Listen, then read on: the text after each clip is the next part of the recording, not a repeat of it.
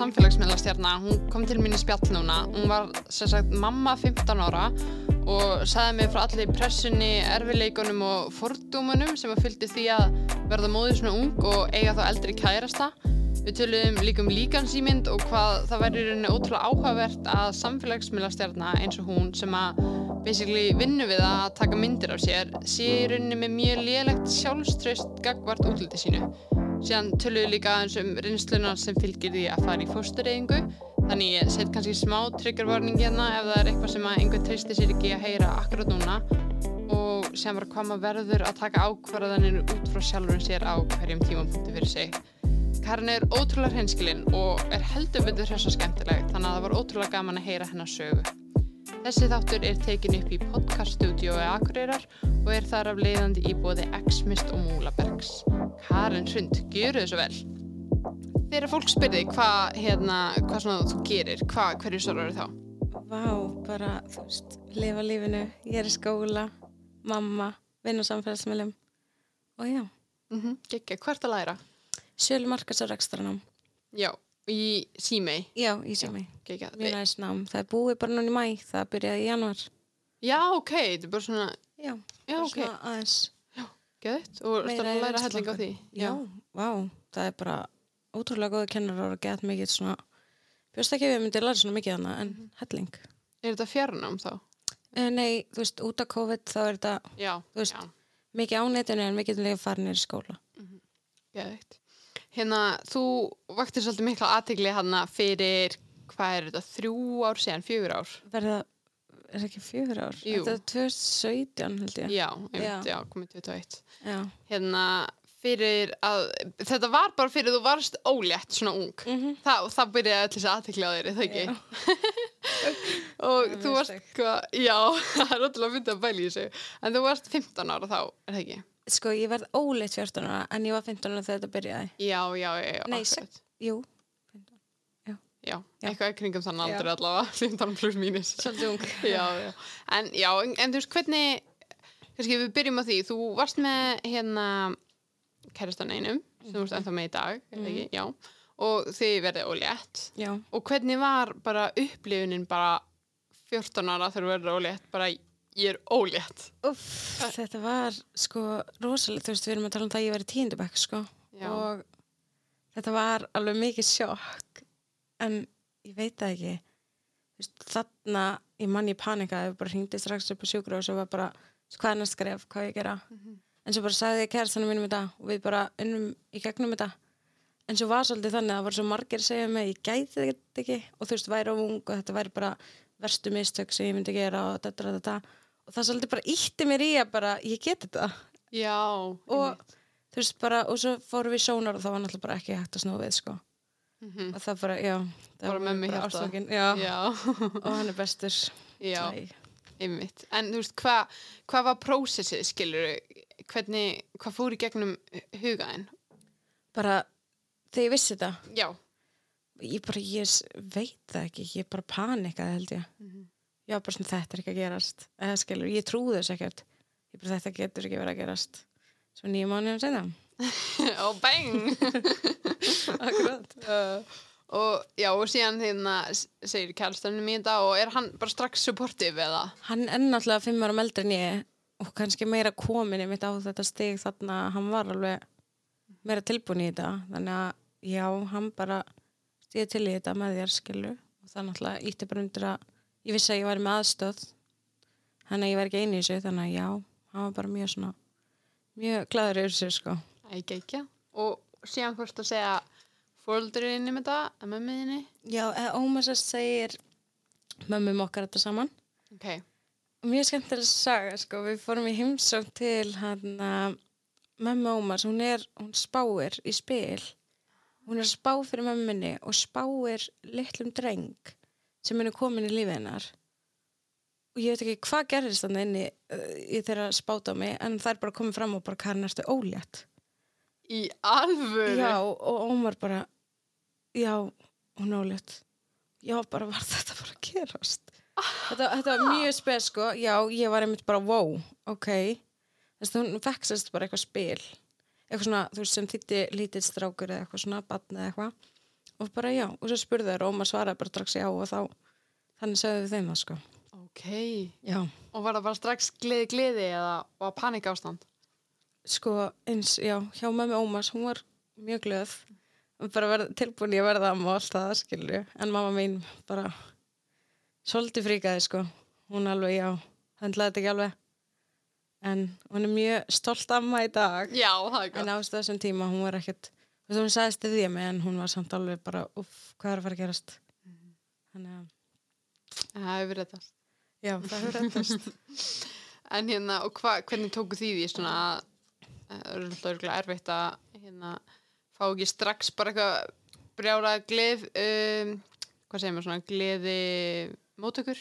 já, frá þá bara fjölskyldur minni Já, og Nei, hvernig þú var það og því? þetta var líka svona einmitt bara mamma, pappi, amma, afi bæði og ég skilða svo vel, ég var 14 ára og þetta er bara, ég myndi líka vera svona en þau eru samt ótrúlega supportive í dag og vilja fá hann hvena sem er og voru ótrúlega supportive um leið og ég gat ekki breytt um skoðum Já, og voru hjá mér alltaf og styði allt, þú veist. Þau voru bara kannski að reyna að gera mér svolítið ljóst að þetta var ekkert turning back eftir 20 vikur eða, já, 20, 12 20, já, 20 ég veit ekki hvort það er. en já, já, mjög skiljanlega, hérna, en gaman að heyra frá þessu. Og síðan, þú veist, og þarna býrðu vantarlega hjá mömmun og pappa, mömmunni. já, mömmu, já, Já, og hérna, og flytið þið svo þá inn saman strax eða þú og Ómar? nei, ég sést um, við búum þarna allan tímanum meðan ég er ólétt ég held að Adrian sé þryggja mánuða þegar við flytjum í burt saman og erum búin að búa saman síðan Ok. sem eru, hvað var það, fjör ár já.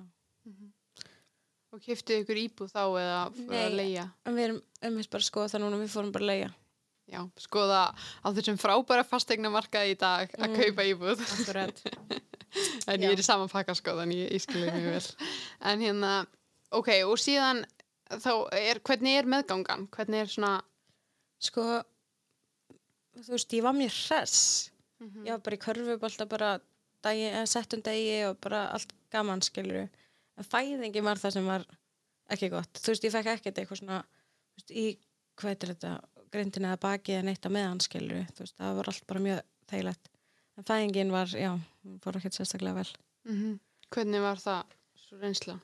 um, ég sérst er í hríðum í held ég hvað var það 28 tíma held ég og fæðingi tekur þrjá. Ég er með fæðingasögu en ég man ekki alveg með tíman, sorry. En þetta var alveg svona mikil tími og svo hann að um, uff, þetta var rosalegt. En þetta var bara búið að ganga á svo lengi og ég var bara búin að veist, æla alveg búin og búin að fá þú veist, ég fekk sérst mænudöngu. Það er svona sett niður bakið að þér svona rör einhvern veginn.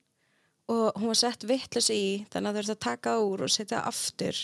Og það alveg bara rústaði bakinu og einhverju þannig meðan og svo bara, já, gekk þetta lengi bara svo klukka og bara allt einhvern veginn fór úrskið svo hann kom út bara blár og ekki andandi. En hann bara beint í kassa niður, ég fekk ekki að hitta hann í held í sólarring, þú veist, þetta var allt svona ekki, Vá. já, ekki, ekki mjög spennandi. En það er allt gott að blessa hann er mjög heilbröð þetta var, Já, ég trúi því að það tekið vel á. já, Og hvernig var tilfinningin að vera hérna kannski ekki óörug til að byrja með og svo að þetta fari svona og þú fáir ekki að hitta hann í 24 tíma. uff, sko þarna fann, ég fór náttúrulega bara ég var bara sett beint inn og bara svaf þanga til ég fekk hann, sko Já, sem betur fyrr, þú veist, ég var náttúrulega bara alveg búin, búin að vera vakandi en meiri sólarring og alveg bara, já, uff, þetta var rosalegt. En tengingin hann að fyrst, þú veist, hún kemur náttúrulega þú færði hann í fangi og ert með hann fyrst sólarringin en hann var náttúrulega þá í kassa þannig að við mistum það svolítið en erum með það, þú veist, við byggðum það bara strax upp skiljur, þannig að það var svolítið það sem vantaði, þú veist, við vorum ekki nú tengd hann í byrjun. Og það ég náttúrulega bara svona fann það var bara tekin strax og þá var ég bara svona ok, eða skiljur en svo náttúrulega fekk ég hann bara og búin að búa með hann hjá mér síðan og gera allt með hann síðan þannig að við erum mjög tengd í Já. og þessi tímar. Ekki gaman að rifið þetta svona mm -hmm. En hérna, og, og síðan þú veist, færðu hann og það er alltaf lægi bara eftir það. Eftir þess að 24 bara tíma. ekkert. Bara, já, búið að gera sneitt slemt við hann eða neitt tengt þessu síðan sko. Já, frábært. Og allt gengið vel bara. Já. Já, æðir. Hann er bara, já, ótrúlega þroskaður og gengur vel í öllu og já, bara kann alla liti og tölur og bara mjög þroskaður sko, bara allt það besta með hann. Mm Ég veit, þú lendir aðeins í hana, að þið lendur í svolítum fordómum, sko bæði með að þú hefur verið ung og síðan hérna að það hefur verið svona eld, aldursmunur á milli ykkar á þessum aldri. Já. Hvernig var þetta að hafa áhrif á okkur?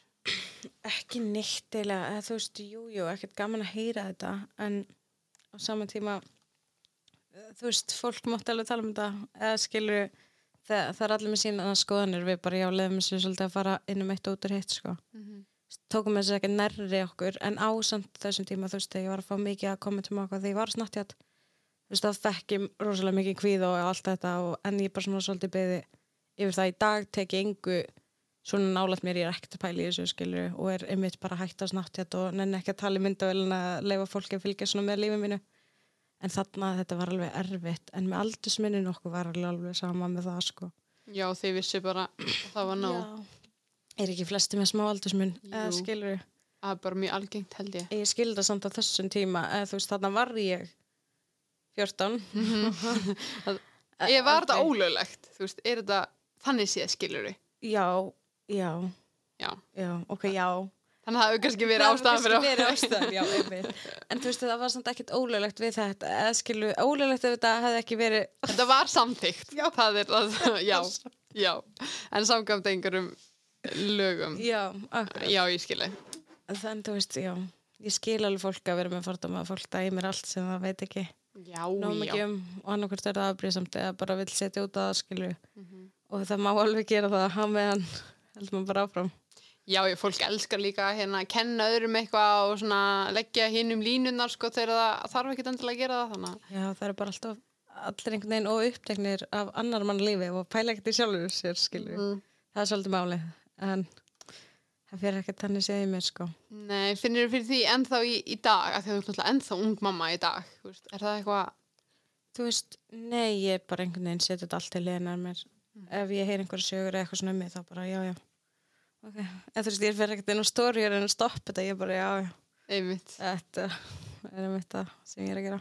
bara partur af þessu einhvern veginn. En Já. það bara lefur sér að slæta, sko. Mhm. Það getur ekki verið að svara fyrir þetta allt. Nei, nákvæmlega. En þessi kvíði sem að þú talar um að hafa komið aðeins upp, veist, hversu mikil áhrif var hann að hafa, varst einhvern tímann byrjaður að sjá eftir þessu eða varst að, eða skiljur, efast um þig, kannski réttar að segja?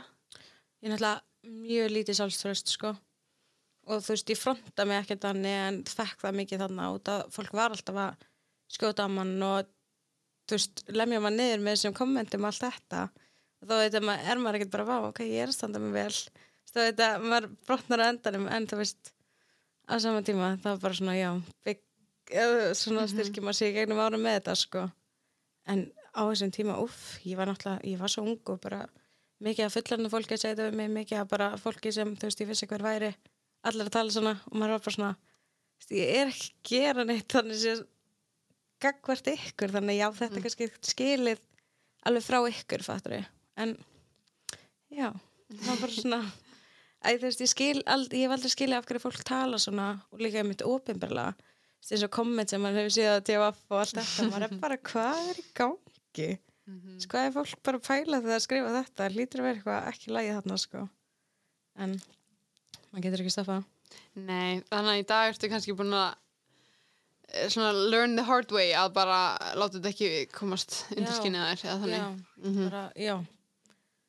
Eða, sko. Það er bara, já, mjög erfitt að segja eitthvað í dag sem ég er bara, bara Mhm. ok. Þannig heldur að sjálfströsti hafi svolítið kannski aukist með því að vera mamma eða? Já, bara Eða- með þessu öllu. Ég held að allt þetta hafi svona svolítið komið mér á staðin sem ég er í dag, sko. Já. Og finnst þér þú vera alveg bara, ertu með þetta allt hérna móður hlutverkið eða eru efasemdir ennþá eða ég er mjög forvitin sko, ég er ekki mamma. Hvernig líður þér? Bara mjög vel, þú veist, ég er ekki með þetta allt, ég er ekki Nei. bara þú, sko. Ég, Nei, ég held að sé enginn með þetta allt. Nei, alls ekki. Alls ekki. Það, þú veist, en okkur bara, allt sem við gerum er geggjað saman. En það eru þetta stundum erfitt að fara að á kvöldin eða maður er ekki nóg velsofin og þarf að vakna eða eitthvað svona eða sem ég vil ekki fara í fötin sín eða eitthvað, þú veist, þetta er bara þetta basic sko Já, já, já. Aldrei Eitthvað eitthvað. allir gangi í gegnum. Já, en þú veist já.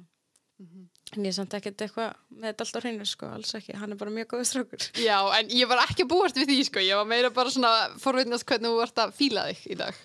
Æ, bara, bara vel Já. það er allt bara mjög fínir Gekjað. Og, þú veist, síðan á þessum tíma, þá byrjaru á Snapchat. Þú veist, það er í rauninni þú sjálf sem að byrjar um, að varpa aðtekla á sjálfa þig, ef það má segja það. Já, Og hvernig? ég man ekki einu sinni hvernig ég byrjaði þetta Nei. þetta var, ég held ég að við fengi að vera gestasnappir af töntu var Æslandi eða eitthvað Já, Svo ég er bara koma Svo er bara allir komin reyfir og þá held ég bara áfram sko. Ég ætlaði bara að taka þetta og eitthvað flippa og sína eitthvað gaman og kynnti mig og þú veist talaði skilu en svo fór það aðeins lengra. Ég held að það hafi verið nú tönt fyrir Æslandsnafnir sko. Ok, en ég man svo eftir þess að þetta var bara svona sprenging, eða þú veist, að maður bara, svo allt í hennu bara vissi allir hverju það varst, Já, skilur þetta var rosalegt sko. og Ég hef aldrei skilið að hafa fengið svona rosalega mikla aðtegli fyrir bara það að verða ólétt sko. Já en á þessum tíma varst að njóta þess eða varstu, varstu vild, vildur þetta eða ekki? Ég held ég hafi bara verið svolítið í einhverju gufu sko, en þú veist, ég var náttúrulega bara ólétt og bara emotional og allt eitthvað uh, þannig ég held að þetta hafi svolítið bara svona komið og ég var bara hvað er að gerast. Þú veist, ég, þú veist, manni mitt eftir við fórum einhvern veginn á söður þú veist, ég fór alls ekki mikið búðir að public ég vildi helst bara vera svona inni. Hann er séð, og svo fyrir við söður því ég er nýbúin að ég Adrian heldur sé í smáralind og kom bara fullt af krökkum í kringum okkur og bara uh, taka mynd og þetta, þetta, þetta og ég var bara, hvað er í gangi hérna? Vá, Eða, þú veist, ég líka bjóst ekkert, við erum minna akkurir og það einu sem ég var að gera var að fara í bónus og tilbaka eða göngutúri eða eitthvað. Og svo fer maður eins og þá sjá ég bara svona hvað varum margir að fylgjast með þessu. Og þá svona hittaði mig, þá var ég bara shit. Ups, alltaf læg en þú veist, þá var þetta bara svona ok, það eru ótrúlega margir að fylgjast með þessu. Og svo var allt ég að fá frá vinkanum mínu bara mamma mín elskar þig, mamma mín er að fylgjast með þér og amma elskar þig. Og það var svo mikill hópur af fólki eða svona aldursmunni líka. Það voru einhvern veginn allir bara hvernig allir gangi hjá henni skilur þannig að þetta var svo svolítið pressa sko. Og það, já, það er mitt svona líka svolítið ítti mér í að hætta var að mér fannst þetta á að mikið svona allir var bara, gerði þetta svona, þú ætti að gera þetta svona gera þetta svona. Og þá var ég bara, ok, ég ætla bara lefa þessu að slæta og Einmitt. gera þetta sjálf. Einmitt, já, þú veist, þó þetta var ótrúlega gaman og ég sé alls ekki eftir að hafa byrjað að samfélagsmiðlum, það er búið að gefa mér mjög mörg tækifæri, en var samt svona þú veist, þetta tali myndavelin og alveg leifa alveg að fylgjast með lifum mínu er ekki eitthvað sem henda núna, það var gaman að með henni og rólið samt. já Var þetta, þú veist, bara svona skemmtilegt hobby kannski Já, á meðan? Já, þetta var bara já, þannig, en þú veist, núna er þetta miklu meira vinna mín eða þannig. Já, Það er kannski fyrir eitthvað að fara í einhver verkefni eða sjá um eitthvað eða eitthvað svo ekki að tala í myndavælina þú veist, um, eitthvað svona, já. Meira bak við tjöldi núna já, Já, eða einmitt bara, þú veist, eins og við gerum í daginn held upp á hann að ammalega spatta og þá við bara einhver skemmtilega óvisferð og gerðum geggjaðan dag. Já, akkurat. Bara eitthvað svona. Bara leika okkur að hafa gaman. Og hvernig var þetta þegar þú byrjaðir að byrjaðir að ná Snapchat.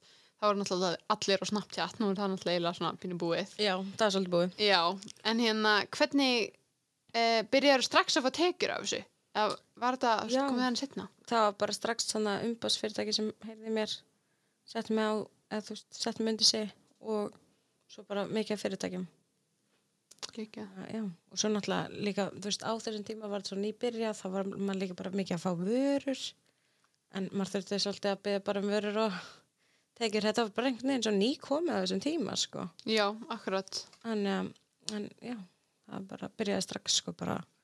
Þá var ég ekki eins og komið marga fylgjendur, þá var strax einhverju farin að reyna mér, sko. Ok, já, en síðan hefur náttúrulega þú, veist, þú ert ennþá með mjög marga fylgjendur eins og Instagram. Mhm. Ertu, þú veist, ertu að um, ertu að auglýsa ennþá á tekjur, þú veist, eh, lítur á því ennþá sem svona samfélagsmiðla Ég náttúrulega, Queen. já, þú veist.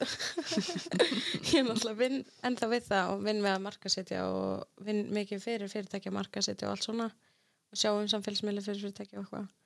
En ég sjálf, þú veist, jú, jú, ég tek alveg verkefni mér langar að taka þau og ef ég fæ einhver svona verkefni sem ég bóði og ég bara, vá, hvað ég var til þetta, þá ger ég það. En ég er ekki að taka bara hvað sem er og henda mér út í hvað sem er, ekkert eitthvað að halda veru og tala um en þá er það kannski einmitt frekar að kíkja út að borða á einhvern stað eða fara einhverja ferði eins og við fórum til húsaukur fyrra og þá fórum við bara í hana kvalasafnið og hessbak og gistum á einhvers staðar og fórum hana GOC Mhm. og það var bara óslega næst, það var bara auðlýsing þannig að það var bara gett. Næs vinnuferð. það var mjög kósi Það er geggjað. já, það var mjög næst en þú veist, það er bara, já, svona það sem ég er aðalega að gera núna Bara snill, er þetta ekki bara draumurinn eða? jú, þetta er mjög næs, bara svona já, líka náttúrulega mikið að snirtur en það er mjög næst þú veist, ég vinn alveg með því en annars bara svona, já einhvern veginn Þú ert make-up múa. Já, ég er múa, Já, já. Mjög flott lúk, ég er búin að sjá því. En svo er ég náttúrulega líka búin að læra hana airbrush sem er svona með svona Ah, cool. Vél. Já, já, já, já. Það er meira svona þá svona, lúk ekki beint svona það er bara alveg eins kemur er yfirleitt bara flottar aðferð það er meira svona það sem Beyoncé er að mála sig með eða skilu, þetta er svona meira fancy og já, Ok, ég vissi það ekki. Ég, ég myndi alltaf þá hugsaði ég eitthvað svona alveg appísnugula mannesku eða eitthvað, eitthvað svona munstur. Já, ok. en þú veist, þú getur samt líka alveg bara að mála hann að manneski alveg eins sko Ah, geggjað. Ú, næs. Það hérna hljóma mjög vel. En hvernig var þetta síðan á, þú veist, úlingsárum og bara núna, veist, fannst þér vera að missa einhver svona vinalega séð? Hvernig voru vininu að taka þessu og var þetta eitthvað erfitt þannig, eitthvað svona, að ég kemst ekki á jammi núna? nei, ég var með mjög góðan stöðning þannig að mér langaði að gera eitthvað fekk ég bara svolítið að gera það Mm sem alveg hjálpaði mjög mikið undir að ég færi ekki mitt í þetta þunglindi og veist, það sko en þú veist að því ég var alveg tæp sko ég var alveg mjög kvíðin og svona þorði ekki út á þetta allir var að setja út á en svo einmitt voru bara fjölskyldum mín bara tríðu út bara þú veist þú ert líka ung þó þú hafa verið að gera þetta skilur við þannig að það var mjög næs Akkurat, þannig að varst hérna heppin að vera að fá person og við vorum kannski svona að passa það að þú myndir ekki missa alveg af úlingsárunum líka eða? og ég misti alls ekki að því ég Nei. bara núna svona bara æ, ég nenni ekki þú veist við við kíkjum oft út í út í dinnir eða drikki eða eitthvað svoleiðis næs en svo er það bara heimskilur ég er núna svona æ, ég er orðin og gömul fyrir þetta Mhm. Akkurat, já, svona, veit ekki alveg hvort ég sé orðin á gömul fyrir þetta, þá er ég orðin ansi gömul en hérna, allt er læg. Nei, ég var svona, æ, ég nenni ekki að vakna þunn eða, Já, þú veist, mér langar frekar bara að vakna með strákin og bara hafa gaman var kósi bara. Já. Mhm. en alltaf gaman að kíkja út, sko Já, já. en, hérna, en varstu, þú veist, var fólk að, að því að ég man alveg eftir sögum líka, veist, og maður, hérna, að fólk var alltaf að dæma þig fyrir að vera að fara á jammið. já, það var það var mjög skrítið, sko Já, og ég mitt mann eftir ég var einhvern veginn að keira fram hjá Amor á Akureyri Guði blessi, amor.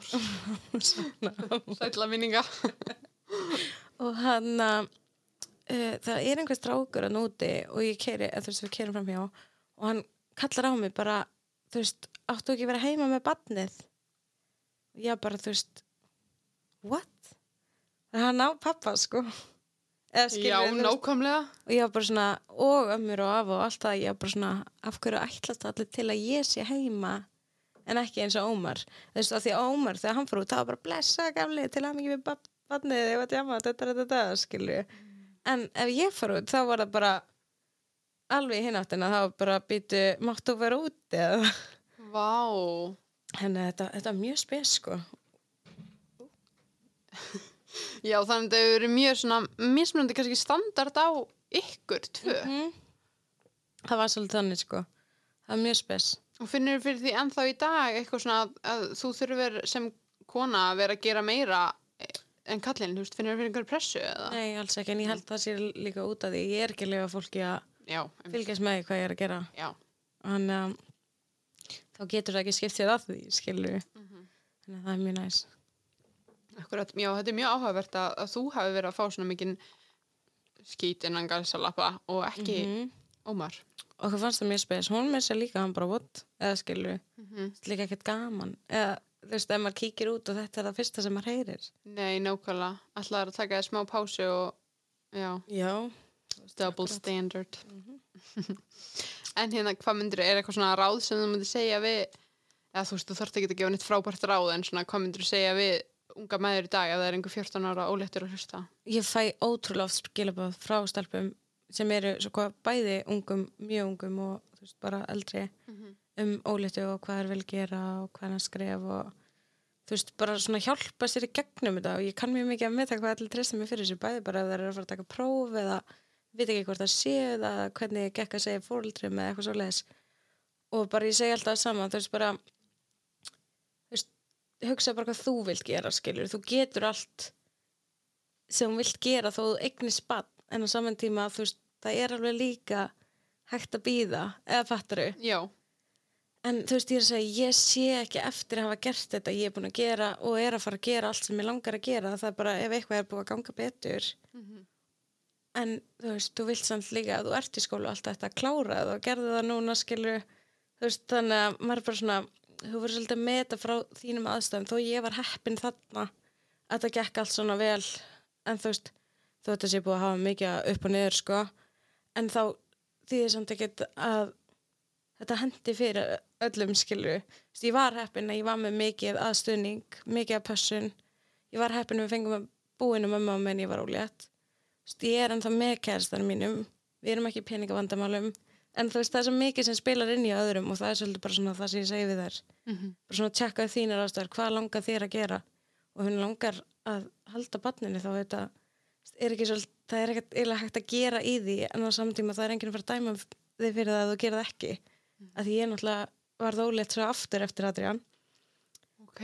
og fyrir fóstureyingu út að ég var ekki tilbúin í annað Einmitt. og þú veist ég skammast mín alls ekkert fyrir það ég var bara ekki tilbúin þannig að þú veist ég dæmi alls ekki fólk sem myndi gera það frekar Nei, það var líka bara bannað að dæma, sko. Það Já, Má, þetta er sérstaklega eitthvað sem má alls ekki dæma. Nei, ég er að segja, þú veist, þetta er ekki þín ákvörðin, þetta er þú veist, mín ákvörðin, eða skilju, þú veist, Algjörlega. ekki skipta ykkur af einhver svona, þetta er bara, já, og eins leiðilegt að það sé og ég hugsa alveg oft út í hvað ef, en þá er það ekki hægt. Og ég var að hugsa, þannig að fyrst og fremst bara er ég að fara að vera, hvað var ég, 15, sek- 16 ára með tvö börn, eða er ég að fara bara, þú veist, reyna aðeins að lifa lífinu, skilju, fara í skóla, gera þetta, gera þetta.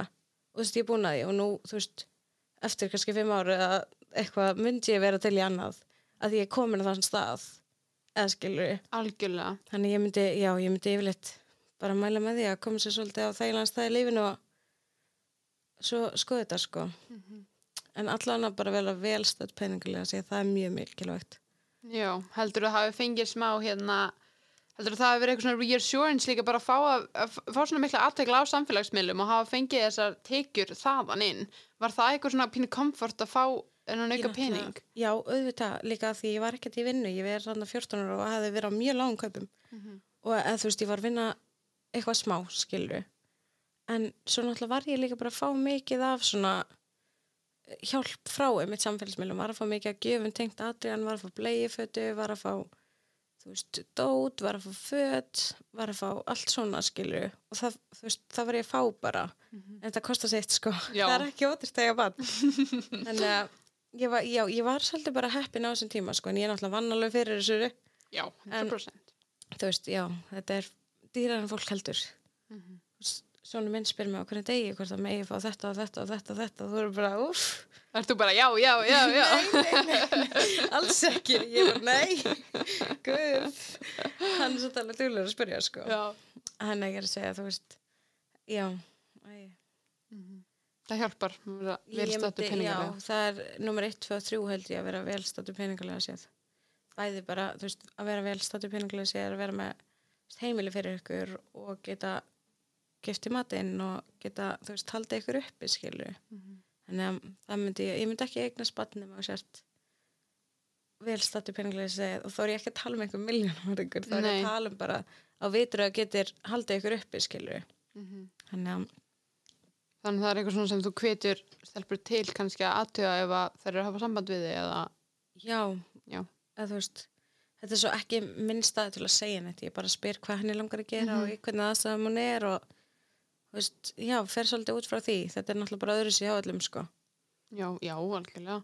hann er bara mismyndið svona hvernig tips ég gef þó. Ég sé engin sérfræðingar í þessu sko, ég veit eiginlega ekkert um þetta en ég kann samt að meta að fólk tala um mig og það ég get alveg hjálpað svona að segja frá minni reynslu Nákvæmlega. en ég get ekki sagt mikið meira en það Nei, en enda einmitt er það örgulega ekkert heldur að hérna, þú veist, eitthvað búast að þú leggja einn bara línunar, heldur stundum langar manni líka bara að heyra frá Já. bara einhverja reynslu sögur, skilur við, bara bara hvað Já, nákvæmlega. akkurat, já, ég kann að meta Já, algjörlega, mjög, mjög gaman að heyra. En hérna, hvenar, hversu löngu eftir eh, að Adrian fæðist verður óleitt aftur svo?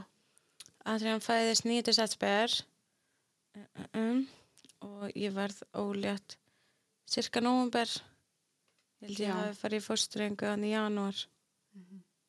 8. janúar held ég. Þannig hefur þetta voru hérna. 2018, já. Já, 2018 Þannig að þú hefðir hérna, það var mjög stutt á milli. Svo, já, bara strax sko. Já. en ja, það hefur verið og mikið. Já mjög skiljanlega. Mhm. Og hvernig var hérna ég spyrja eftir, hvernig var thought processið, þú veist, bara að fatta þetta? Sko eins leðilegt að segja en þarna fekk ég bara svolítið sjokk og var bara ég get ekki aftur. Og þú veist í dag hugsa ég bara hvað ef ég hefði samt getað skilju þá var þetta samt ómikið þannig að ég hef búin að þú veist gangi í gennum mjög erfið að fæðingu komið lítið strák þú veist búin að gangi í gennum langa meðgöngu allt þetta samfélagsmiðla og þarna var þetta bara svolítið bara svona nei. Þú veist, og ég gæti heldur ekki gert að verða ólétt aftur í búandi heimi á mömmu ekki í vinnu með annað barn á leiðinni. Það var svolítið líka máli ef ég hafði átt hús og bara allt þetta þá hefði það verið ekkert mál. Og kannski aðeins aldrei en þú veist þér að segja ef ég hefði verið á vel, vel stödd peninglega sig þá hefði það kannski verið bara mér fint sko. En ég meina. Já, ég sé alveg að þú veist, þetta var ekki auðveld ákvörðun fyrir þig. Alls ekki, ég, þetta er það ekki fyrir neitt sko. Nei, en já, ég er bara ána með ákvörunina í dag Já. skilur já, ég get ekki séð eftir þessu þá bara það þýðir ekki neitt. Nei, það, eða ég fæ ekki neitt út úr því. Eða veist, þetta er bara búið að koma á staðan sem ég er í dag í staðin Mhm. eða skilur, Algjörlega, það er bara svolítið hannig maður tekur bara ákvörðun út frá sjálfur sér á hvernig tímapunkti. Það er rétt. En mér finnst alveg frábært að þú veist, þú sért til í að tala um þetta. Því að það er bara ótrúlega mikilvægt að það er engin skömm í neinu af þessu. Alls ekki, eða þess að mér finnst þetta bara ekki vera tabu, þú veist, svona hluti gerast og fólk getur að, að þú veist, verður að geta að tala um það án þess að aðri dæmi það fyrir það, því að þú veist, já, þetta gerist og það er betra að tala um þetta og fólk getur hjálpast að einhver verður rólegt eða langar í fósturöngu að þú veist, að vita að það eru fleiri. Mm -hmm. ekki bara já, ok, ég ætla bara að loka mig inni eða skilju og bara hugsa um þetta. Eins og með fósturrengunni, ég gerði það fyrst sko. Eins og þegar ég talaði um það við vini mína þá voru þau bara af hverju ertu ekki búin að segja okkur þetta? Þú veist, við getum verið til því og þetta, þetta, þetta en fyrst var ég bara, uff, það er allir að fara að vera bara, hvað varst að gera, skilju en auðvitað voru þau það ekki, þau bara auðvitað skilju við þetta, þú ert náttúrulega ekki tilbúin aftur og það er náttúrulega bara að hjálpa það mjög, mjög mikið, sko. Þú varst náttúrulega búin að lenda í því líka eins og við vorum að tala um á hann fólk var að dæma þig hart fyrir fyrir hlutan Mm. sem var ekki fólk átti engans það til að gera það skilur Nei. og þannig að það var kannski einhver smá óþægindi í þér að fólk myndi byrja að gera það aftur að þú byrja að tala um fórstureyðinguna Já, það var líka, já.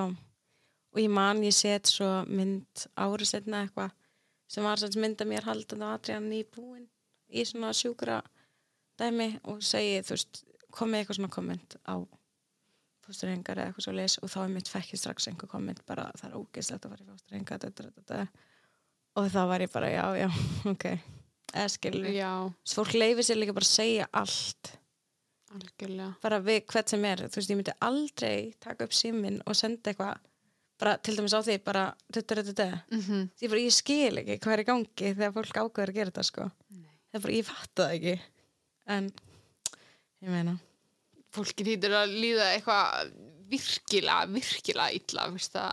100% ég ég fatta þetta ekki sko. Nei, einmitt. En það er gott að við séum allavega ekki að gera það. Þið fáum bara jákað að skila bara frá okkur En sér, hver, er- hver er draumurinn? Ertu með eitthvað svona framtíðar vision? bara sjálf mig Já, uff, Er það bara a nice house? Já, það er bara real housewife, skilur. Ég get svo mikið séð þið fyrir í þessu sko. Real Housewives of Iceland. Nei, ég, já, veist, það er náttúrulega plan hjá öllum, bara real housewife með fallan hund og hús og falli börn og maka og allt þetta, skilur þú veist, maður er á leiðinu þangað náttúrulega. Og, en annars er það bara, þú veist, uh, ég vil vera með mín eigin fyrirtæki og bara já, svolítið að út frá því, sko. Og svo bara investa. Investa í property eða hvað? Já, low-key. Ég myndi vilja vera svona, já, ég held það. Mhm. Eiga mikið á húsum eða eitthvað. Já, það, það er smart. Ég er svona, ég er thinking rich. Já. Ég er þar. Er þú eitthvað, hérna, verður þú fjórði meðlimur uh, æði? Er það, Uff. nei bara því að sagði þetta? Að investa. Nei, að vera svona, þú veist, eru þeir ekki með svona vibe, svona, hérna, Housewife. reality TV? Já, for real. Um, sko, nei. Nei. Það er ekki bara komið. það er þið náttúrulega mjög, það, það er þið mjög gaman að sjá það. Bara allt henni myndi bara random aðli koma bara og pikka. Eða þú veist, þetta, er náttúrulega bestu vini mín. Stýra segja eins og þetta hann að Já, gerði. Það hefði verið met að sjá þetta, sko. Einhver hafi bara púlað upp einhver random fjörði aðli og þeir hætti að vera allir bara. Ég pældi í þessu þetta komið, hvað er bara einhver hérna Gunnar Jónsson eitthvað, ég held ég geta verið frábæri vinahópin, skilur Það því þú var bara satt eins og svo er mætt þetta, bara hæðist þér Strákar, please, má ég vera með? Það verður geggjað. Já, það verið snilt. En þetta er geggjað hjá þeim. Já, ógeðslega flott. Ég er mjög proud. Já, En ég geti aldrei gert það sem þeir eru að gera. Það þarf alveg að standa fyrir fram myndavölina að þólda í marga daga. Þeir eru, já, og veist, ég tala við á hverjum degi og þeir eru búin við tökum, þeir eru done, þú veist, það er mikið gangi. Þetta er, ég er mjög stolt af þeim. Þeir eru að gera frábæra hluti. algjörlega, algjörlega. En þú varst að tala um að, að hérna, fjárfesta í íbúðum, svo ég tala íslensku, hérna. Já, eða þú veist, ég er bara, já, einmitt, thinking rich, eða þú veist, bara það sem markaðurinn er að fara í það, bitcoin og investa í fyrirtæki, þess að núna er COVID, þannig einmitt að investa í það sem mun fara upp, Mm þú veist, það er mjög sniðt. Ertu byrjað á því að fjárfesta? Mm. Mhm. Mhm. Gekja, vel gert. Takk. Og hérna, þannig að þú ætlar að vera svona einn af þessum hérna eins og þannig að gaurin á TikTok sem fer alltaf upp á svona ríkum bílum og er eitthvað svona, what do you do for a living? Þannig að þú verður í Já, þeim verð bílum. bílum. Já, þú verður Já. í bílum. Ég er bara bylla, en þetta er draumurinn. Já, það er ekki að. Já. Þannig að þú ert á hraðri leið þangað upp. Jöp. Segjum það allavega. Segjum það. og hérna, hvað, hefur alltaf verið svona mikið áhuga á make-upi? Já, alveg low-key, sko. Mm -hmm. Veist, ég fíla þetta tungumál, ég þarf að taka þetta til mín. ég hef alltaf einhvern veginn haft mjög mikið áhuga á þessu, en mm já, þú veist, ég samt ekkert eitthvað ég er ekki alveg húgt, skilur, mér finnst mér gaman að gera þetta, mér finnst gaman að fara mér finnst skemmtilega að fara að aðra og fara í myndatökur og svo leis Já. heldur en að vera heima mér í þrjá klukktíma, skilur, Mm en þetta er mjög skemmtilegt, sko, ég alveg elska það Og er eitthvað, er eitthvað, sérstakt svona vision sem þú veist með fyrir það í, í framtíðin, langar að vera starfandi make-up artisti? þú veist, það, ég held að vera alveg gaman en þá einmitt bara einmitt fyrir myndatökur eða einhver svona svoleiðis meira, sko Mm -hmm. þannig, að, já, Gæðikt. Mhm. Nei, þetta þetta er spennandi, sko, hérna, en þetta er ekki með svona, sko, mér líður þess að þú sést ekki með sérstaklega svona íslenskt vision á lífið. Fattar hvað ég meina? alls ekki og við, Nei. sko, eins og tala um strákana ekki þeir heldur, við erum einhvern veginn bara svona við munum öll flytja Já, heldur skilur, það, þú já. veist, já, og það, ég held að bara sé ógislega gaman að fara út og gera eitthvað annað Algjörlega, ég mæli með allir flyttið til útlanda á já, einhverjum tíma. bara do it Mm do it, do it. Er eitthvað svona sérstakt? Sérstakur staður? um, ég væri ógislega til að flytja til Greklands eða eitthvað bara alveg svona, bara njú Mm. Já. bara eitthvað í burtu úr ef, nei, það, er það Evrópu? Það er í Európa, já. Jesus þú var að taka það Þetta er alltaf leið, þetta gefur einhverjum sjálfströðist, það er einhver eitthvað, yes, ég vissi heldur ekki hvað Gríkland var. ok, í Evrópu eitthvað Mhm. aðeins lengra Já. Jesus, ég er sjokki Ég trú ekki að Já, það er ekki hérna Los Angeles. Það er í Norður Ameríku. Já, ég get farið þangað, ég fer þangað bara. Já, það er bara, það er glæslegt. Það er alltaf, það er svona Hollywood uh, væpið er þar sko. Uff, Mm ok, ég fer þangað. En hvaðan heldur þetta komið, þú veist, að þetta svona vision, uh, sorry, með, ég ætla bara að beðast afsökunar til hlustanda við alla þáttina mína, ég er, ég er alltaf að sletta eitthvað, en hérna, já, hvað heldur þetta, hvaðan heldur þetta komið, svona pínu, þetta erlenda vision? Vá, ég veit það ekki Nei. bara þáttum eða hvernig við tölum eða eitthvað skilur Mm það er bara, já, ég maður er svo vanur að vera hér en það er einhvern veginn þú kemst kannski aðeins lengra úti eða skilur þetta er mjög lítið, ég elska samt Ísland sko. Mm matinn og bara hvað við erum heppin að vera hérna sko. ég elska að hafa fæðst en ég var samt til að prófa eitthvað nýtt Já. já, ég held að það sé svolítið máli Þegar það fyrir eitthvað á næstu árum þá að, þú veist maður vonar það, en svo náttúrulega COVID já, já, svolítið. guð blessi. já. Það- þú spyrir samt á með vinina því var ólétt ég glemdi alveg að svara ef við skipum eða bara, Já. ég get alveg svarað ef þú vilt Mm Því það er alveg svolítið Ok. sko, það er náttúrulega, já, bara ég var í tíundabæk Mm að það var svolítið þú veist, allir einhvern veginn bara off, nei, eða skilju en svo leiði að byrja snaff þá einhvern veginn koma allir aftur Ah. en ég ásand, þú veist, eins og tvær bestu vinkunum mínar eru bestu vinkunum mín dag. Þær eru voru með mér í tíundabæk og hafa bara stikkað með mér síðan skilju og þú sjálf, svolítið sérð who are the realists eða skilju, þú veist, það er bara svona og einhvern veginn, já, þessi hópur þú veist, eins og Patti, kynntist honum Adri var nýfættur og binna líka eða þú veist, ég var alltaf að vita hvað þið væri en við bara svona urðum bestu vinni þá. Og þeir hafa líka alltaf verið með mér í gegnum það skilju, þú veist, þetta var svona svolítið að sína þú veist, hver var til í þetta með þér? Og ég veit þetta líka bara frá öðrum stelpum sem hafa orðið ólétt og það er mitt tengja við þú sér hverju vinniðinir eru þegar þú verður ólétt. Ok. að bara þeir fara sem nennan þess ekki, eða skilur sem er náttúrulega bara jamminniðinir eða eitthvað svona. Og þú svolítið svona sér það sko. Þannig að það var, það var mjög sérstak að sjá það. Eða þú veist, að því að sumir að þeim held maður bara þessi eru örglega fyrir að vera vinni mínu bara. Við erum bara að fara að stikka alltaf saman. En svo kannski mætir þeim í dag og það er bara ekkert, eða skilur Já, ég skilji. þannig að það var mjög spes. En samt á sama tíma þegar ég byrjaði að snofti að það var einhvern veginn allir til í að vera vinniðinir Og varstu, fórstu alveg strax bara, þú veist, nei, ok, ég, Þú veist, ég er mjög næs við alla sko og bara til í að spjalla og geti alveg verið að kíkja með þeim á kaffehúsi eitthvað en það er það kannski ekkert vinni sem ég er kannski að sér einhverju með eða skilur og deila já, góð íslenska. Já, þannig að það var kannski, þú veist, þegar fólk held að þetta var ekki cool að þú væri ólétt svona ung, þá Já. var það bara, þá var það "Ah, bara bye no bye." go en um leið að það varð cool eða ég varð vinsæli eða hvað það var út af þá voru þau til að vera þarna Mhm. þannig að það, það var líka svolítið skemmtilegt já. Já, einmitt, þú, þú eru alveg í gegnum það. já, eða þú veist maður auðvitað hætti að tala um hann í tvo mánu og svo allt í henni mætti tilbaka en leður komið með einhver, einhver þúsund fylgjendur Einmitt. það er bara ó, Eru þú ert mynda með 9000 followers á Instagram, hefur kannski að vera í kaffi?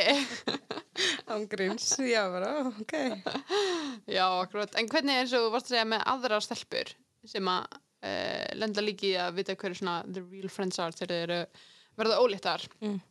Hvernig er það? sko ég hef heyrst það frá mjög mörgum einmitt bara, já, ég misti mikið að bestu vinkonum mínum allt þetta þegar ég var álétt Frá þá ungu mömmum eða bara svona yfir höfuð? Já. Að þú veist, já, örglega yfir höfuð líka þú Mhm. veist, en það er náttúrulega aðalega ungar sem ég hef þá kannski verið að tala við. Mhm. og ég hef mitt bara, já, tengdi við þetta sko. Og þú veist, það voru margir að segja við mig bara býti og þú veist, þú mitt sjá hverjir alveg viniðinir eru in the end, skilur og ég bara, ok. Og svo maður sá það alveg sko. Mm bara svona, já, hverjir einhvern veginn stikkuð með manni í gegnum þetta sko. Sem er mjög spes sko. En ég veit ekki hvað það er, hvort það sé ekki tilbúið að fara með þeir á baby date eða hvað það er sko. Já. þetta er, Já, þetta er áhugaverð pæling, sko. já, Hérna, Íslendingar eru líka svo, fólk svo sem, þeir, þeir, svo, þeir vilja bara vera það sem er cool. Þannig að um leiðu eitthvað verður ekki cool, þá eru þeir farnir.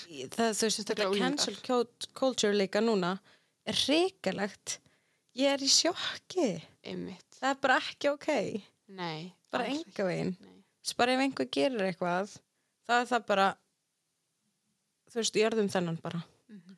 eða skilur þú veist, maður er bara svona fólk gerir mistök og það gera allir mistök. Eða skilur þú veist, svona, þetta meikar engan sens að fólk vil bara, einmitt bara, ok, þessi segja þetta sé ekki rétt eða þetta er ekki vera svona, ok, sumt náttúrulega að þessu fólki sem segir kannski að gera eitthvað er að gera eitthvað ránt ég er að segja ekki öllum tilfellum og þá er það bara skóp um þessu bara hann á hann í Já, er þetta ekki líka oft einmitt svona eitthvað eitt komment sem er kannski rámt en það þarf það, þarf kannski ekki, þetta er náttúrulega viðkvæmt málefni en það þarf kannski ekki í öllum tilfellum þarf ekki að cancela einhverjum fyrir Já, bara eitthvað eitt komment sem ég finnst náttúrulega kannski ekki að við ættum að cancel einhverjum það á náttúrulega ekki bara hundra manns að fara á einu manneski og bara drull lifir hann skilu, það er enga veginn rétt. Nei, það náttúrulega bara heitir einilti eða veist, og líka bara netið, hvernig það er að veist, hvað við, hvað við erum powerful bara með þessu tæki, við getum komment að vekja þessar mannesku, við getum bara gert allt einhvern veginn skilu að þú veist, þetta er svo rámt en á saman tíma, þú veist, ég skil alveg ef manneska segir eitthvað slæmt, þú veist, auðvitað er það ekki rétt og hún á náttúrulega bara þurfa svara fyrir það skilur beðast afsakanar hvað það er. En sumt er alveg oflangt gengi eins og ég hef alveg séð sum dæmi sem hafa mitt gengi of langt og voru kannski ekki þú veist eitthvað súper stórt þú veist sumt er náttúrulega yngu en ég lagi að segja skilur þá er ég sammálusu en ég er að segja bara yfir höfuð þá er maður bara svona róa með okkur skilur og svo mitt þessar manneskir sem eru svolítið djarfar í því að fara að segja eitthvað um þessar manneskir ef þetta myndi gerast við þau þá myndi þau þú veist, vilja vera fyrirgefið og veist, ekki vilja lenda undir þessi press á netinu og allt þetta. Og maður er bara svona veist, hver er pælingin? Eða skilur, já, það er bara svona uff, ég veit það ekki. Já heldur að þú hafi fengið kannski svona þetta var ekki kallað cancelled culture fyrir nokkrum árum en finnst þér þú hafi fengið það smá svona í byrjun kannski á minni skala? Já, ég er náttúrulega, þú veist, ég fór í bónus og fólk horfði bara á mig hérna Já. þú veist, með augun. Já, bara hvað er þess að gera skilju? Og þú veist mömmur stelpnanir bekknum bara alveg nextlæra og svo þetta, þetta, þetta en svo einmitt út að þetta var svo cool eða veist, það er ekkert cool það er ekkert cool að vera óletur það var, 14 það, var hæp í kringum þetta. Já þetta var náttúrulega rosa hæp og þú veist að það að ég fekk þessa aðtikli fyrir þetta þá loksins voru allir bara ok eða skilju, verður bara þinni skoðinu því að finnst þetta ekki vera ok, verður það bara þannig allan tíman ekki fara eitthvað að sleika mig upp þó að maður fái smá aðtekli eða skilju, þú veist bara standa já að sinni skoðun skilju ef mér finnst ekki eitthvað rétt, þá er það ekki rétt. Eða skilju, Mhm. það er ekkert bara það breytist ekkert bara út á allt í hennu fara 20 fylgjendur, það er bara wow, ok, ég það núna. Eða skilju, Já, nákvæmlega. Veistu eitthvað hvernig mamma einn veist, hvernig var hún að fá einhver komment líka skilur frá eins og öðrum ömmum Já, hún náttúrulega fekk alveg að finna fyrir svo sinn hátt skilu en ekkert eitthvað slæmt. En þú veist þetta var mjög stuttu tími sem þetta var kannski þú veist, fólk var bara ekki ok við þetta. Að ég var með fljóta að opna snappið en það meira bara á mig þegar ég var búið að opna snappið og þá var fólk bara einmitt senda einhver komment eða eitthvað svona skilu en þú veist, mamma mitt fann alveg fyrir því á saman tíma og ég að þegar við fórum út í búðir þá var fólk að horfa eða spyrja, þú veist, spyrja hérna bara hvað er að frétta og þetta, þetta, þetta en, já. Hún hefur náða að dusta það af sér bara. Já, já, svolítið þannig. mm algjörlega, mér finnst geggja hvað þú ert alltaf með hérna góða vini, góða fjölskyldu þetta er þetta hérna þó að hafi verið smá panik fyrst hjá þér þá er þetta eins og þetta hafi allt orðið bara geggjað, eða þú veist eins Það geggjað svo lífi verður upp og niður bara já. Þú veist, ég geti líka ekkert ennþá í dag verið að pæla í þessu, þú veist, það væri bara alltaf ömulegt. Eða skilur ef ég hefði ekki bara haldið áfram. mm Þetta, þetta gerðist, þetta var mín ákvörðin, ég ákvaði að díla við þetta svona, þetta fór svona. Þú veist, það eina sem ég geti gert er að halda áfram. Eða skilur, og að því þú varst að tala með mitt þú veist að þú lendir í smá svona þunglindi og kvíða eða allavega einhverjum svona gráu svæði þar. Já, ég held að það hefur bara verið fæðingaþunglindi, sko. Ég er samt alveg með kvíða, sko, en ég held að það hefur verið fæðingaþunglindi, ég var alveg bara mjög depressed á tíma, en það alveg fór, eða skilur, þú veist, ég finn ekki jafn mikið fyrir því í dag. það kom þá, fæðingu þunglindi þannig að það kom eftir að hann fættist Já, e- að eða fæði veist, Nei, ok, ég veit ekki, ég held ég, maður kallar þetta fæðingaþunglindi, þetta var, já, bara svona aðeins á hann fættist og svo þegar hann fættist, já, já, já, já, ok. En, um, og ég hef mér talað einhvern veginn um það í stóri, sko. mm Og svo bara vann ég út frá því, sko. Þannig að það var mjög gott.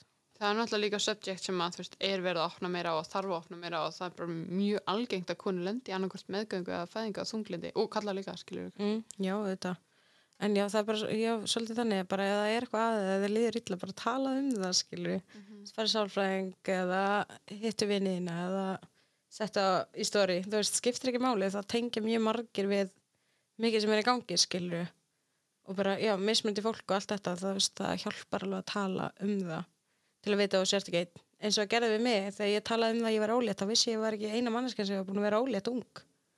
Það var svo margar konur eða stelpur sem komið til mín bara einmitt ég eignast mína dóttir þetta Þú veist, í dag er ég bara að gera þetta þetta og stend, þú veist, allt svona og þetta fór svo vel og dóttir mín núna í háskóla þetta, þetta, þetta, það ég bara ok þú veist, ég er ekki ein eða skilur Einmitt, já. þú veist, og ég get alveg komið mér þangað viðst að fleiri eru búinir að því þetta er ekkert bara endurinn á heiminum Nei, akkurat. Það var kannski svolítið væpið fyrst bara já, lífið búið. Já. Bara, já. svolítið þannig sko Mhm. en svo var ekki, Nei, lífið er bara rétt að byrja lífið er bara rétt að byrja. Það er að horrið þér. Hvað ert þú? Þú Mhm. 19. Já, 19 í dag. Já, blessu ertu. Lífið er rétt að byrja. það er rétt En hérna, já, að því að þú varst að tala um áðan að, að þú væri með svo lélegt sjálfströst.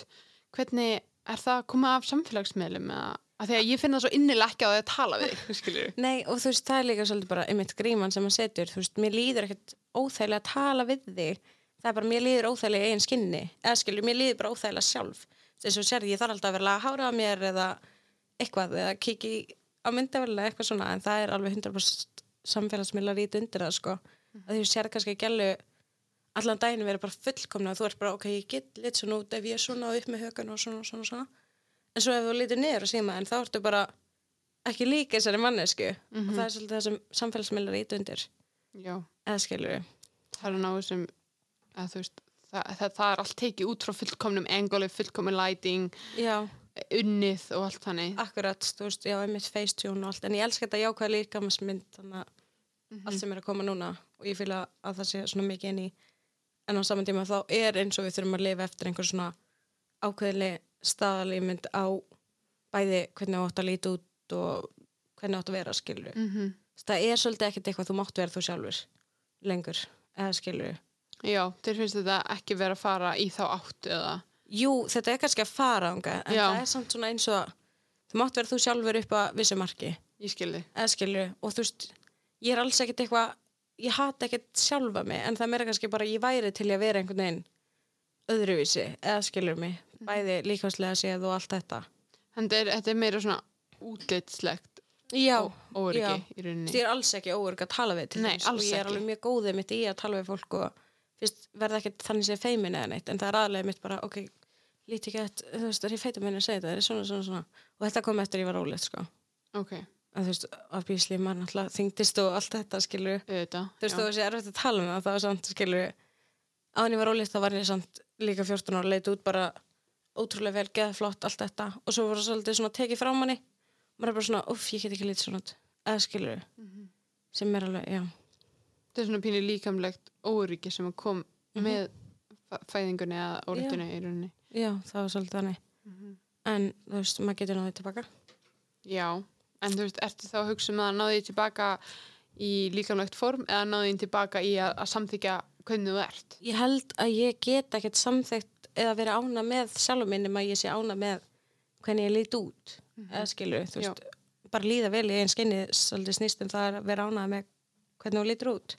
Þó ég sé alveg ánað með mig, þá samt væri ég til í að gera betur eða þannig skilur. Og ég er ekki að segja þetta yfir alla, þetta er bara svona með mig eða skilur. Já, já, þetta er bara þitt sjónarhóð. Já. Þannig að þú hugsar meira núna að þú vilji breyta líkamniðinum heldur en þú vilji breyta því hvernig þú hugsar. Já. Já. En þú veist, það er líka bara gott af því að já, eða skilur ég, ef ég vill breyta líka minn þá á ég að hugsa þannig. Já, og þú vil líka bara rétt að gera hvað sem þú vilt og Já. hvernig sem þú vilt gera. Akkurat. Þetta er bara forvitnilegt efni. Já. Og, og hérna, það er oft gaman að pæla í svo.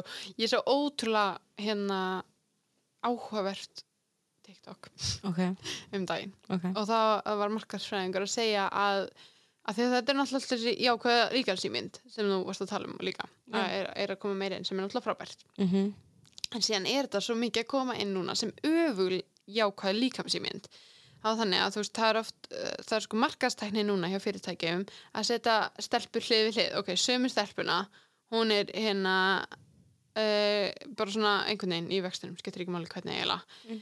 um, en, en hérna, kannski ekki með enga fytu utan á sér, þess það er ekki með enga fytu Já, utan á sér, en kannski með aðeins utan á sér bara mjög eðlilegt svona eins og allt er svo sem, en hérna og þá var, er sem sagt markasherfinin að hérna e, er svona eitthvað Instagram versus reality eða post versus reality, eitthvað svona. Já. og þá er hún kannski í, íþrótatopp og íþróttabuxum.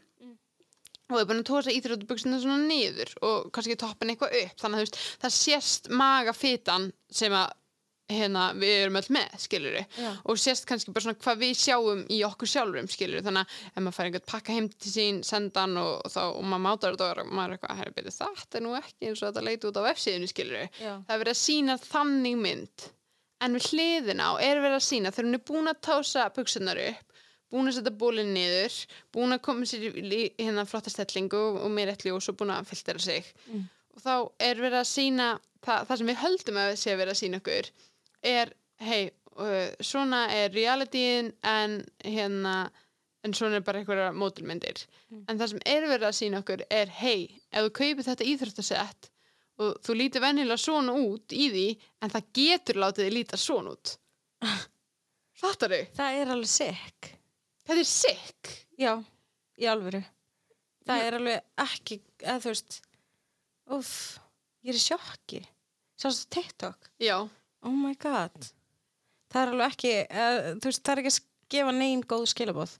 Ég elska þetta jákvætt, hann að, jákvæð líkams ímynd, hann að, hvað heitir þetta, svona, sem er í gangi núna Já. allir að posta. Ég, Já. ángriðs, ég elska að sjá þetta stóri, ég fylgi mörgum sem einmitt, eru svona áhrifavaldri í þessu mm og þú veist, ég vildi að ég væri svona confident eins og þær eru í sínu eiginskinni bara, I would die for it sko, en bara einhvern veginn, maður nærði ekki mitt út á samfélagsmiðlum, maður er bara svona já, eða skilur einhvern veginn svona bakkar alltaf, þú veist, ég get ekki sett upp síman og bara verið á sundfittum bara, wihi, eða skilur þú veist, það myndi, mér myndi vera ekki liða þægilega með það sko Við erum svo áhugavert nefnilega að heyra þetta frá svona þú veist, og gott að heyra þetta frá svona öryggri manninski eins og þér skilur þau? Takk. Mér finnst það frábært, þú veist að Já, það þú er engin öryggur á öllum sviðum heldur Þetta er samt líka bara svolítið búið að, þú veist, það er verið að láta okkur hugsa svona, það er Mhm. málið og þú veist, og það virkar auðvitað, þú ert að sjá þetta hvernig einast degi og það er engin fullkomin og það, Nei. þú veist, eða jú, jú það eru allir fullkominir Nei, Já, já, einmitt þú veist, Allir en á engin. sama tíma en bara einhvern veginn þetta er það sem við lifum eftir, skilur en ég elska samt hvað er verið að fæta á móti þessu en á sama tíma ég get ekki verið að gera það sem þessi geðvett fullkomna ræktapía sem er fylltur í drasl og bara tuttur þetta Mhm. bara, og ég geti heldur ekki verið þessi manneska sem er bara eitthvað að dansa og vera konfident og stiðja aðra að vera ánægð með líkamannsin sinn. Mhm. Svo ég, er þarna langt einhvers staðar fyrir aftan, ég er bara eitthvað nei takk, ég vil ekki einu sinni taka selfie eða skilur, sem er svolítið, já svolítið slæmt Þannig að þessar glansmyndir sem eru á Instagram eh, er að ná meira til þín heldur en þessar jákvæða líkamsýmyndir þó það séu náttúrulega að hjálpa eða um, nei það er bara bæði að ná til mín eða skilur, Mhm. Stíminn tjólir að bæðar manneskjarnar, Mhm. eða skilur Já, en það er bara, þú veist, ég væri til að vera ein mannskjarn upp á sjálfströstu og svo veri, veri ein til að vera bara þú veist, bara alveg sama og eða skilur vera bara ég Mhm. en það er svolítið það sem ég þarf að byggja eða þannig. Mhm. og ég næs alveg að fronta mig bara ekki þannig. Og þú veist, það er svolítið það sem ég búin að kenna mér, ég hef aldrei talað um þetta áður sko, ekki ofumörlega við neitt hann séð sko. En þetta er alveg, þú veist, stort mál. Algjörlega. Að ég veit að mörgum líður svona mjög mörgum, ég hef heyrt það frá mjög mörgum að þeir vil ekki taka myndir þessari að getur, þú veist, getur feist hún þess að mynda að gera þetta, þetta, þetta. Og maður er bara svona, það er svo engum sama hvað öðrum finnst Mhm. sem er svo slæmt, skilur við segja það bara allir og svo er Já. það engin svolítið þannig. Já, einmitt. Þannig að það, þetta er áhugavert líka að þú, veist, þú ert samfélagsmiðla stjarnar sem finnst óþægilegt að taka myndir á sér. Mm þetta er, já, þetta er mjög það, er, áhugavert. það er góð pæling sko, góð spurning. Já, já, það er svolítið keisið. Já, ég er alveg ekki langan tíma búin að taka myndir af mér sko.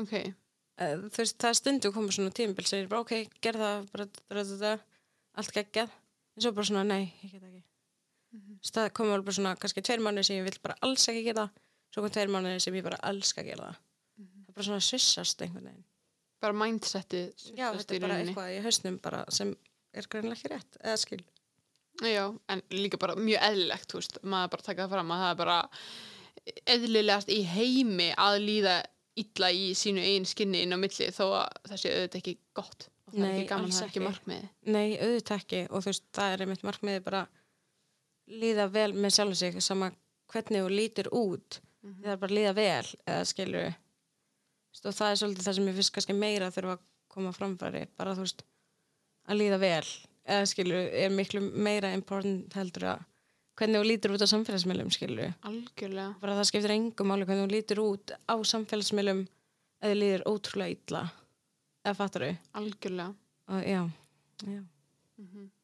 Þannig að það er kannski líka bara, þú veist, að það er lægi að breyta líkamannu sínum ef maður vill gera það. Já, ég á 100% eftir að gera það sko Já, en það er þú líka alltaf lægi að samþykja hann, maður Já, já, já, er. auðvitað það Ég mitt er búin að panta hjá lítalækni sko viðtal Mhm. og þú veist, ég er mjög ána með það sko. Mhm. Ég er bara aldrei verið ána með að gera eitthvað og ég er að gera þetta fyrir mig, ég er ekki að gera þetta fyrir neitt annan. Mér langar að líða meira þælura eða skil, ég er ekki að gera þetta fyrir þig. Eitthvað þannig að Nei. þú sjá að mynda mér og ert bara ok, Mhm. ég er að gera þetta þannig að mér líði meira þægilega skilur Algjörlega. það er líka einmitt svolítið með þú veist eins og lítið að gera þér það er allir að heita svo mikið á það en þú ert að gera þetta, þú ert að ákvæða þetta. Þú ert að gera þetta fyrir sjálfa þig. Þú ert að gera þetta þannig að þér líði betur þú ert ekki að gera þetta út af einhver sagði þér að gera þetta. Og alls ekki heldur fyrir að, að þú veist, ég er ekki að gera þetta til að fylla upp einhverja samfélagsmiðla standarda, skilur ég er bara að gera þetta þannig að mér líði bara þægilega eða skilur Mm En svo pælir maður í, þú veist, ef maður leðlur, ertu að gera þetta til að fylla upp samfélagsmiðla standarda? Ef þið finnst erfitt að taka myndir að þér, sem er, það er sem ekki að því myndi ég segja, eða þú veist, maður dæmir ekki neitt, en fattar þau, þú veist, ég er ekki að meina þú, Nei, nei, heldur nei. bara svona almennt séskiluru. Ef manni finnst óþægilegt að taka myndir af sér og setja þær á samfélagsmiðla og ákveði svo að breyta því, Mm. er maður þá að gera það, veist, fyrir sjálfan sig eða er maður að gera það til þess að aðlir sjáu sig á samfélagsmiðlum? Ég veit ekki rétt að svarið. það var mjög góð pæling svo. en já, jú, þú veist það er alveg örgulega þú veist, keisið hjá sumum sko Mhm. en þú veist, eins og ég horfa þetta ég er alveg búin að hugsa um þetta lengi bara síðan ég varð ólétt og ég hef ekki gert þetta síðan en núna er ég bara svona, núna langar mér að gera þetta Algjörlega. Og ég er ekki að dæma um það, þetta. bæði vei. Ég er bara guð. með pælingar. og mér væri eiginlega alveg sama út að ég er að gera þetta Akkurat. fyrir mig Já, veist, ég er bara mjög ána með þetta og annars væri ég ekki eins og að tala með það hér, það myndi ég örglega bara reyna að kýpa, eða þú veist, halda ég eitthvað neginn ló, sko. Mhm. En bara, já, eða þú veist, en samfélagsmiðlar örglega íttu undir að þetta væri eitthvað svona sem ég hugsaði mér fyrsta lagi, sko. En, ég veit ekki. Já, þetta, er góða pælingar, sko, líka að því að þú veist, þú ert með svo marga sem eru að fylgja þér. Veist, Finnst þið það einhver pressa að líta þá út að, en, en þú kannski þekkir eiginlega ekkert annað að það hafa alltaf verið margir að fylgja þér, kannski. Já, eða þú veist, en það er bæði góð og slæm pressa, skilur, þú veist, gaman að margir stiði og eru bara tilbúinir í að þú veist, peppa því eða þetta, þetta, þetta, skilur, en svo er líka stundum pressa það, en kannski ekki þarna, eða þú veist, að því ég posta alveg oft myndum að mér, Mm -hmm. en ég er bara svona, ég væri til í að gera það fyrir mig að líta öðru í sút, þá er ég samt ekkert að tala um að breyta bara öllu, það er bara svona að líða þægilega, skilur, Akkurat. 100%. Ég stuði alltaf að fólk, hérna, gera eitthvað fyrir sjálfum sig og, og lætur sjálfum sig líða vel, sko. Það er 100%. En, en að því að þú ert svona ung, innan gæðsleppa, en þá, hvernig er það prósess, þú veist, er það ekkert, er vesen? ég er að fara bara í tíma í mæ, Já, ok, sjá, ok. þú veist, ég er ekki að fara en þú veist, ég er ekki búin að panta bara hvað ég ætla að gera. Nei, nei, nei. mér langaði bara tíma að spyrja hvernig þetta færi fram og hvernig þetta myndi virka og allt þetta. Mm svo ég er mjög spennt fyrir því. Já, ég, þú kemur hérna aftur í mæ og segir okkur frá svona já, já, nú maður búið. Já, já, hérna, eitt sem ég langar að spyrja að, eða hérna, sem við vorum að tala um aðan líka, hvað, þú veist, þetta lingo, low key, hvað er meira, hérna, live rent free, en maður, þetta er eitthvað, þú veist, eins og þú varst að segja hann, þið, þið tali bara svona, veist, þið Já. unga fólki í dag, sem eru þreymur ára yngri en ég eða eitthvað. eða þú veist, allan eins og við eða þú veist, þegar við erum bara FaceTime þá tölum við bara svona. Eða skilur, þú veist, við tölum bara svona saman. Eða bara, já, ég er alveg, þú veist lókið þreytt. Eða bara, ok, same. Eða skilur, allt þetta, þú veist, við bara Já, bara þetta svona sko. Það er alveg mjög, mjög spes. Ég veit ekki hvernig þetta kom. Er þetta TikTok eða? Nei, ég held við hefum alltaf verið með okkar svona slæng einhvern veginn. Þú veist hvernig við tölum veist, við erum alltaf að nota eitthvað svona eitthvað aðeins bara eitthvað svona rugglorð. Mm og þú veist, eins og á tíma veist, þá notum við alltaf kajate. Ha? Hvað er það? kajate. Hæjati? það þýðir basically bara ekkert. Eða skilur það þýðir bara eitthvað svona annarkvært bara uss eða bara eitthvað ég veit ekki, við notum þetta bara eins og þú er eitthvað að rífa þig eða þú veist við mig, þá er ég bara ækæði þú veist það var ég bara svona uss. Eða þú veist Já. þýðir- já, þú veist við veitum ekki eins og hvaðan þetta kom eða allavega ekki ég. En það var einmitt bara ofta við vorum eitthvað svona þræta þá bara allt í einn bara ækæði og þetta er ógislega skrítið orð sko. Ég veit ekki eins og þetta, já, úf, þetta er ógislega fyrir sko. Bara þið vinahópurinn, já, þú veist. Hæjati? ég hef aldrei heilt neitt annan segja þetta nema okkur tala svona skilur Já.